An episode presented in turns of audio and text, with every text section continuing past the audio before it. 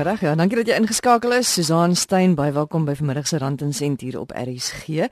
Ons gaan vir die volgende halfuur praat oor onder meer waagkapitaalmaatskappye. Wat is dit? Hoe werk dit en vir wie werk dit? Ons kyk ook in die lig van die afgraderings kortstondig na beleggings van diegene wat na 'n aftrede is of wat reeds afgetree is. Maar ons begin met die koop en verkoop van eiendomme. Nou daar's baie luisteraars wat sê hulle wil dit vreeslik graag begin doen. Waarna moet hulle kyk? Hoe moet hulle dit doen? Nicoline Skuman Lou van Skuman Law ingelyf gaan 'n paar wenke gee as ook 'n paar tegniese punte waarna jy alles moet oplet voordat jy begin koop. Ek dink mens moet goeie finansiële beplanningsadvies inwin voordat mens besluit om 'n eiendom te belê vir jou die beste tipe belegging is as belegger. Ek deel nie noodwendig die opinie dat om eiendomme te koop en verkoop noodwendig die enigste of beste of veiligste tipe belegging is nie. Maar weer eens, as dit by jou oogmerke vir jou beleggingsstrategie pas, dan kan dit beslis 'n een van die goeie maniere wees om te belê en om bestandvastige manier geld te maak. Mense moet ook besef as jy in eiendomme wil belê, het jy kapitaal nodig. Afhangend van wat se tipe en wat se area mens kyk, party areas het natuurlik baie hoër eiendomspryse, um, wat wel maklik en vinnig verkoop, maar om in te kom gaan baie geld kos. As mens kyk na areas wat dalk nie so duur is om in te belê nie, is jou verkoop nou weer langer en dalk moeiliker. So mens gaan mooi jou navorsing moet doen om te kyk wat laat my kapitaal wat ek kan bekom deur 'n finansierder of dit nou 'n bank of of wat ook al is of die kontant wat ek in my agtersak het, my spaargeld, hoeveel het ek? Wat kan ek veilig bestee? So as mens dan kyk na wat om na te begin kyk, is die eerste oogmerk om daardie finansiële advies in te win om jou navorsing te doen omtrent areas. Kontak 'n eienoomsagent. Ek sal voorstel iemand wat werk by 'n groter eienoomsmaatskappy, een van die groter agentskappe. Hulle het die infrastruktuur om die nodige inligting van van jou spesifieke eienoom te kan bekom. En hulle agente is ook gewoonlik goed opgelei en kan goeie advies gee. En dit is belangrik dat jy iemand kry met wie jy 'n vertrouensverhouding kan opbou, iemand wat nie net werk by 'n groot agentskap nie, maar ook behoorlik geregistreer is en al die sertifikate en kwalifikasies het wat daarmee saamgaan. Om jou huiswerk dus deeglik te doen is volgens Nicoline die heel eerste stap. Sodra mens dan besluit om daardie sprong te neem en na die eiendom te bekom, maak seker dat jou beplanning goed is dat as jy dit dalk sou uitwou vir huur en 'n huurinkomste kry, maak seker dat jy dit so gestruktureer het dat jy jou verband kan betaal in geval jou huurder dalk nie betaal nie en dat daardie beplanning omtrent dit goed gedoen is. Maak seker dit as jy uitvier jy ook kyk na verwysings en dat die eh, huurder die huurkontrak kan bekostig. Verkoop is moeilik. Ehm um, maak seker dat jy goeie advies kry omtrent die waarde waarteen jy kan verkoop. As jou eiendom verband het, is dit goed dat die bank ook 'n waardasie kom gee. Kry ook 'n waardasie dan van meer as een eiendomsagent in die area van 'n groter agentskap sodat mens weet waarvoor jy kan bemark en waarvoor jy kan verkoop dat jy nie onder die waarde verkoop nie. En weer eens moet dalk nie uit die hand uit probeer verkoop nie. Werk dalk maar deur 'n agentskap sodat hulle al die administrasie ensovoorts behartig namens jou. Ideaal is natuurlik as jy drie mense is wat saamwerk en daar's 'n prokureur en daar's iemand wat die eiendomswêreld baie goed ken, agentskap mm. En jy dan nou. Ja, ek dink oor die algemeen is is dit goed om 'n span, 'n ondersteunende span te hê van professionele mense om 'n prokureur te hê wat wat help met beide die koop en die verkoop. Ek wens meer mense wil daarvan gebruik maak want in baie opsigte is daar fyn dingetjies om na te kyk met betrekking tot eiendom. Statistiek gewys is die grootste probleem tans die aspek van bouplanne wat nie in orde is nie, wat nie behoorlik deur die nodige kanale gegaan het nie of glad nie ingedien was om te begin nie. So om sulke navorsing te doen om seker te maak mens weet regtig wat jy koop en wat se verrassings jy daar kan kry, is baie belangrik. Selfs van 'n struktuurperspektief af. Nie almal van ons is is kenners in die veld nie. So maak seker dat as daar enigsins 'n bekommernis is omtrent die struktuur en die integriteit van die struktuur, kry dalk 'n professionele opinie omtrent dit. En weet presies wat mens koop, watse probleme kan met die struktuur dalk kom in die toekoms uh, wat op die einde van die dag die nuwe eienaar se probleem sou word veral as die waarborge van die bouer en die struktuur ingenieurs ensovoorts alreeds verval het. So sulke fyn aspekte om om te kyk dat dat mens regtig weet wat jy koop is baie belangrik. En dan wanneer jy in 'n woonstelblok koop, dat jy ook baie seker maak dat die beheerliggaam se sake in orde is en die finansies van die gebou in orde is. Ja, weer eens, kyk weer na daai professionele span wat mens moet ondersteun. As mens kyk na deeltitel of woonstelblokke, is dit baie belangrik om seker te maak dat dit bestuur word op 'n manier wat verantwoordelik is. Mens moet kyk na die finansies, mens moet kyk na die reëls is die reëls regverdig? Is dit 'n 'n omstandigheid waarin mens maklik sal kan verhuur of is dit verskriklik moeilik met baie reëls wat dit baie moeilik maak? Maar die finansiële deel is is by verre vir die eienaar se perspektief af die belangrikste om te oorweeg. Nicoline sê sy het dikwels al te maak gehad met baie ongelukkige kopers wat nie na finansiële state gekyk het van 'n woonstelblok of 'n deeltitel eenheid waarin hulle vir hulle 'n eenheid wou koop nie. Dan kom hulle 'n paar maande later agter dat die plek bankrot is of dat die finansies heeltemal wanbestuur is deur die beheerliggaam en dat hulle nou skielik reuse fooie moet betaal of heffings moet betaal vir noodsaaklike instandhoudingswerk aan die kompleks. So stuur die finansiële state na professionele eh, persone rekenkundige toe om seker te maak dat mens in in 'n eiendom inkoop en in 'n struktuur inkoop wat 'n gesonde bestuursliggaam met 'n gesonde finansiële regulasie volg. Jy het nou miskien 'n plek gekoop En nou kom jy agter maar daar's iets fout. Dit lek iewers, daar's fout met die pipe of daar's fout met hoe die elektrisiteit aangelê is. Wat doen jy dan? As die vorige eienaar bewus was van enige strukturele probleme, moet hulle dit bloot lê in die koopkontrak. Nou in terme van struktuur veral water, waterskade wat in plekke soos Kaapstad 'n groot probleem is in menigte eiendomme vind mens jouself in die plek wat mens moet vra het die vorige eienaar geweet? Kan jy bewys dat die vorige eienaar geweet het en dit nie blootgelê het nie? En as mens ja antwoord in daardie opsig dan kan mens optree teen die vorige eienaar en skadevergoeding eis of dat die probleem aangespreek word. So daar kan 'n eis wees teen die vorige eienaar. In baie gevalle ongelukkig is dit 'n grys area in terme van is dit 'n strukturele probleem as gevolg van swak werkmanskap of is dit net 'n slegte struktuur? En as dit die geval is, dan moet mens maar professionele 'n professionele opinie kry om, om dit te kan bewys. En dan moet mens kyk wanneer is die gebou of die werk aan die gebou gedoen om te bepaal of dit binne in die in die bouerswaarborg nog val. En indien dit doen, kan daar aksie wees teen die bouer in daardie opsig of die ontwikkelaar. In baie gevalle vat dit baie lank vir hierdie probleme om kop uit te steek. So in baie gevalle as nuwe eienaar is jou enigste pad vorentoe om die skade self reg te stel. Met betrekking tot elektriese probleme of bedradingsprobleme. Wanneer mens koop en verkoop, moet mens 'n uh, sertifikaat bekom. So as daar dan 'n probleem sou wees, en dit is binne 'n redelike tyd wat mens agterkom kan mens optree teenoor die persoon wat die sertifikaat uitgereik het. So dis weer eens baie belangrik wanneer jy oordrag neem van 'n eiendom dat jy seker maak dat daardie sertifikate wat deur die proses van oordrag bekom moet word, dat jy as koper altyd 'n oorspronklike afskrif daarvan kry. Goed, so daar's 'n paar punte wat jy in gedagte moet hou wanneer jy eiendom koop of wanneer jy een verkoop of as jy dan nou besluit jy wil 'n bietjie handel dryf en eiendom koop en verkoop wat baie van ons se droom is.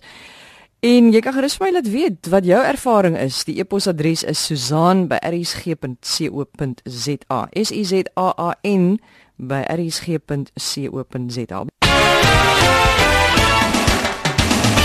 Ons gaan voort met Rand en Sent. Jy luister na RSG. Goeiemôre en baie welkom as jy nou net jou radio aangesit het.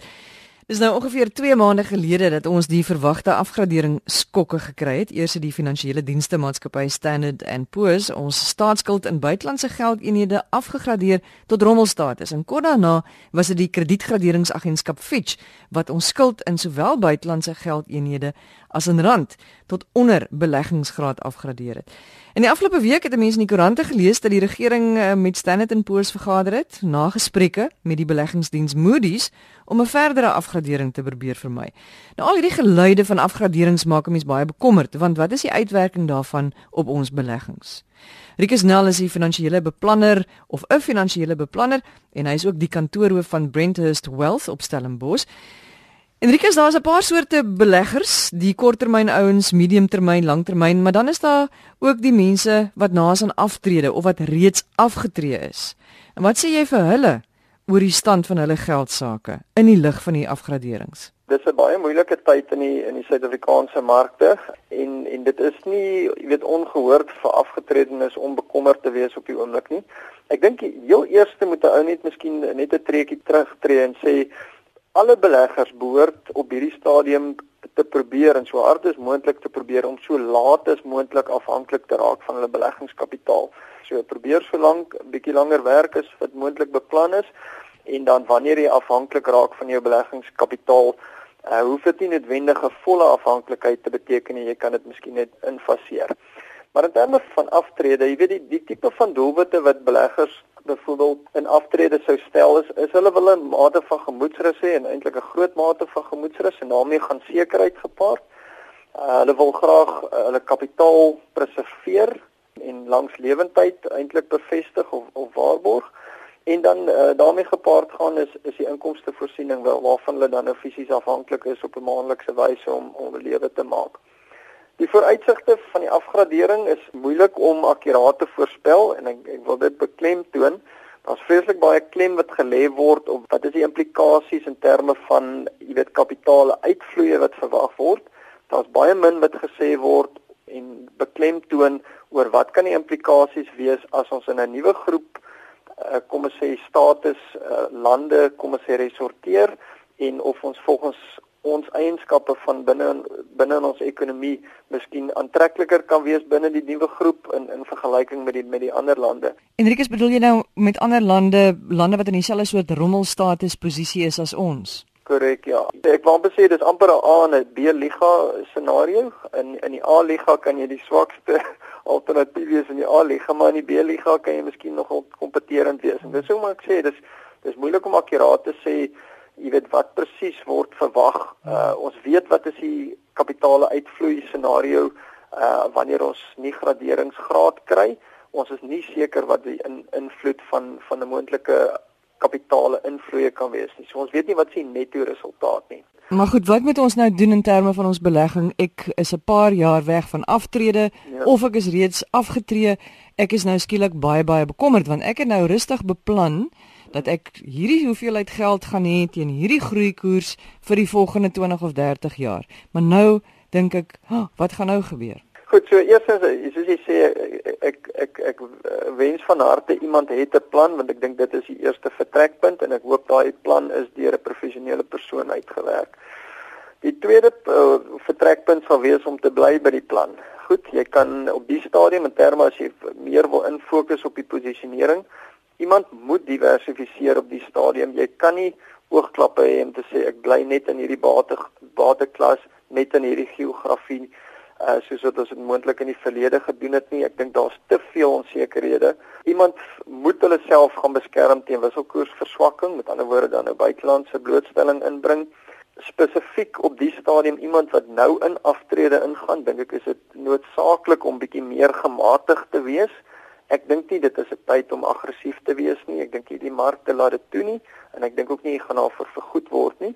Ek dink iemand kan byvoorbeeld fokus op instrumente wat rente inkomste verdien. Op die oomblik is rentekoerse, jy weet, eh, aantreklike inkomste stroom. Dis 'n hoë betalende instrument op die oomblik en ek dink iemand moet daai voordeel trek en dan net mense moet verstaan dat kapitale groei gaan moontlik stadiger eh, deurkom en onder gemiddeld wees wat jou leefstyl sal moet by aanpas en en meer konservatief leef. Because daar is mense wat nou 'n miljoen of 2 het wat jy kan uitvat aan die buiteland toe, maar daar is ook mense wat nie daai soort geld het om uit te neem nie. Wat wat doen diegene van ons wat wil spaar, maar daar is net nie daai groot hoeveelhede geld om om iewers anders buite te gaan belê nie.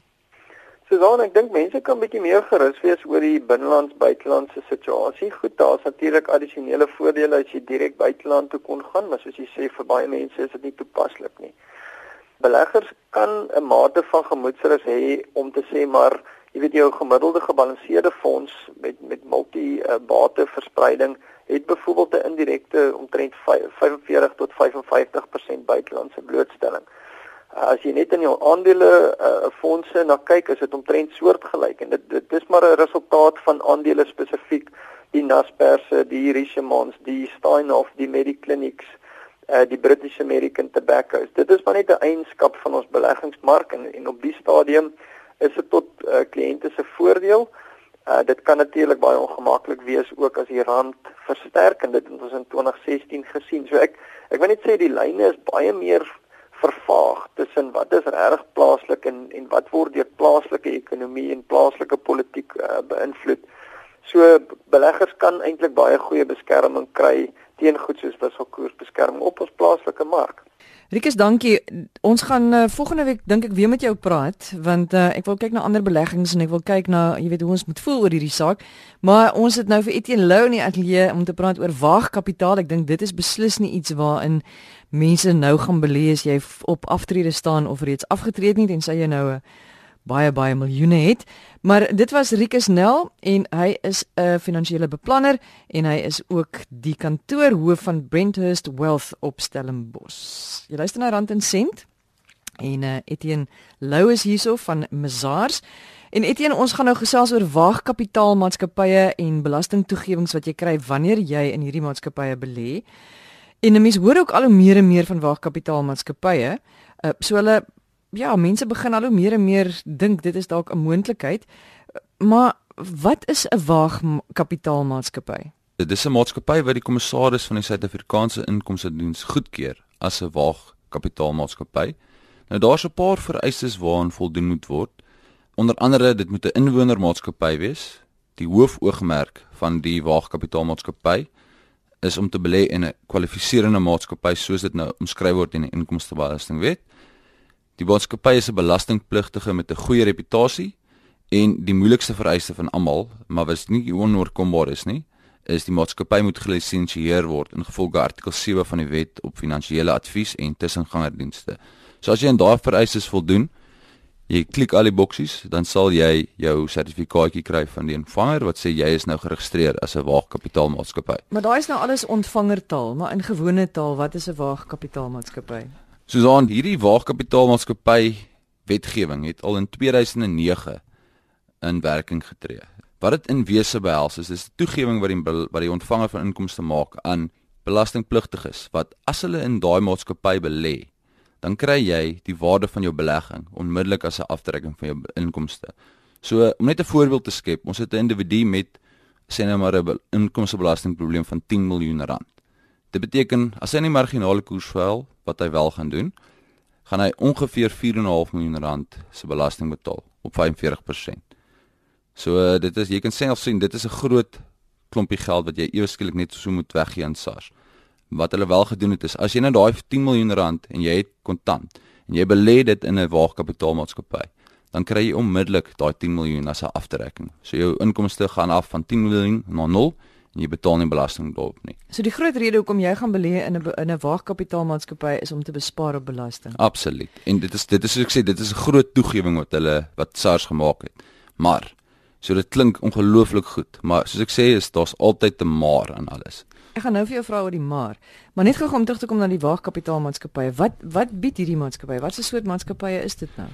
Dit is 'n gewone maatskappy, 'n privaat maatskappy wat Hulle ontvang geld van 'n belegger, ek of jy, en daai waagkapitaalmaatskappy is verplig om daai geld aan te wend om te belê in wat hulle noem kwalifiserende maatskappye. Kom ons noem dit maar net 'n start-up maatskappy. Al hierdie toepassings of apps, soos die mense nou deesdae praat, hierdie tipe innoverende IT maatskappytjies, hulle kort baie kapitaal of wat ons in die in die in die beroep noem seed capital. Hulle het 'n hoë aanvanklike kapitaaluitleg nodig en hulle gaan nie sommer die geld van 'n bank of of 'n ander finansiële instelling kry nie. En dan kom die waagkapitaalmaatskappy en presies wat die naam sê is jy vat 'n kans. Jy belê in hierdie start-up. Jy weet nie of jy jou geld gaan terugkry nie, maar jy as belegger wat daarin belê, kry darm daai groot belastingvoordeel. Met ander woorde, ek kan 'n waagkapitaalmaatskappy begin. In beginsel kan jy. Ehm um, dit gaan jou 'n paar rand kos, veral die vereiste dat jy by die jy moet goedkeuring kry by die Wet op Finansiële Advies en Tussengangersdienste en dit kos 'n paar rand en dit vat ook 'n tydjie. Maar verder is die vereistes soos jy self kan sien relatief van selfsprekend. En dan kan mense wat klein maatskappytjies wil begin na my toe kom en sê hoor jy leen vir my geld want ek kan nie by die bank geld leen nie. Ek leen vir jou 'n bietjie geld. Absoluut. Kyk gewoonlik meeste waagkapitaalmaatskappye het wat hulle noem 'n investment komitee ook wat elke belegging deeglik ondersoek voordat hulle die geld daaraan aanwend. Maar ja, absoluut. Nou jy het gepraat van probleme want dit klink vir my na dis nou wonderlik want jy kry groot belastingvoordeel, maar nou is daar 'n paar probleempies. Soos ek net gesê het, dit was in 2009 het hierdie wetgewing al ingekom. Nou die eerste 3, 4, 5 jaar was nog nie verskriklik baie van hierdie waagkapitaalmaatskappye wat op die been gebring is nie en die en die en die beleggers het ook nie regtig gestroom na dit nie. Die grootste rede was jy kry onmiddellik daai aftrekking. Maar onder die vorige wetgewing was dit sodra jy dan jou aandeel in daai waagkapitaalmaatskappy verkoop, soos hulle sê jy exit jou investment, dan is daar 'n verhaling. Dit is basies jy kry die belastingvoordeel op dag 1, maar op die dag wat jy uit jou uit jou belegging uit onttrek, jy verkoop jou aandele, dan kom hy en hy word jy word weer getax op daai aftrekking wat jy gekry het. Maar dit het nou verander. Jy word Absoluut ja, daar was 'n klomp uh kommunikasies met die ontvanger van inkomste gewees want hulle het gesê hierdie ding het nie baie traksie nie. So wat hulle nou vir jou gee is jy moet nie 'n waagkapitaal aandeel hou vir 'n minimum periode van 5 jaar. As jy dit vir 5 jaar hou, dan gaan nog geen verhaling wees as jy nou op die einde van die dag oor jou aandele verkoop nie. So as jy 'n miljoen rand se aandele gekoop het en jy hou dit vir 5 jaar en jy wil dan jou aandele verkoop, dan kry jy daai sien nou maar jy het nou wins gemaak van 'n miljoen, dan kry jy 2 miljoen rand en jy hoef geen enkele sent belasting te betaal. Ongelukkig nie. En dit is een van die probleme is in 'n normale scenario, as jy belegging maak in 'n maatskappy vir 'n miljoen rand, dan het jy 'n basiskoste van 'n miljoen rand. So jy verkoop nou jou aandele vir 2 miljoen rand na 5 jaar en 1 dag. So beginsel sê opbrengs minus basiskoste, dis jou kapitaalwins. So 2 miljoen rand minus 1 miljoen rand, dan betaal jy kapitaalwins op net op die 1 miljoen rand waagkapitaal maatskappye ongelukkig en dis een van die probleme wat wat ek hoop in die toekoms aangespreek gaan word is daar hulle verlaag jou basiskoste met die bedrag van jou oorspronklike aftrekking. So uh, jy het 'n miljoen rand onmiddellik belê en jy het 'n miljoen rand as 'n aftrekking gekry. Maar nou sê die ontvanger daai miljoen rand wat jou basiskoste was vir jou belegging, dit word dan ook afgetrek van jou basiskoste. So jy het 'n zero basiskoste en jy betaal kapitaalwins op die volle 2 miljoen. So uh, dis 'n mate van belastingsimmetrie soos hulle sê, maar dis definitief een van die faktore wat die belangstelling in die waagkapitaalmaatskappye onderdruk. Maar hierdie is duidelik nie vir vir vir mense wat klein geld besit nie, nê. Nee, dis mense wat groot geld besit. Nee, absoluut. Ek bedoel as jy belasting probleem van 200 000 rand het. Ek bedoel jy gaan dan nie jou 200 000 rand kontant in dit indruk nie. As jy 'n belastingprobleem van 'n paar miljoen rand het, dan sal jy moontlik so 'n belegging oorweeg. Baie dankie Etienne Lou, hy is van die belastingkonsultante groep Mazars. As jy enige vrae het, dan stuur jy vir my 'n e-pos Susan@rsg.co.za en jy spel dit S U Z A A N by rsg.co.za. Stuur van jou vrae, stuur van jou voorstelle en, en dan kan ons dit op die program bespreek. Baie dankie vir die saamluister. Ek hoop dit is 'n baie baie goeie week vir jou. Totsiens.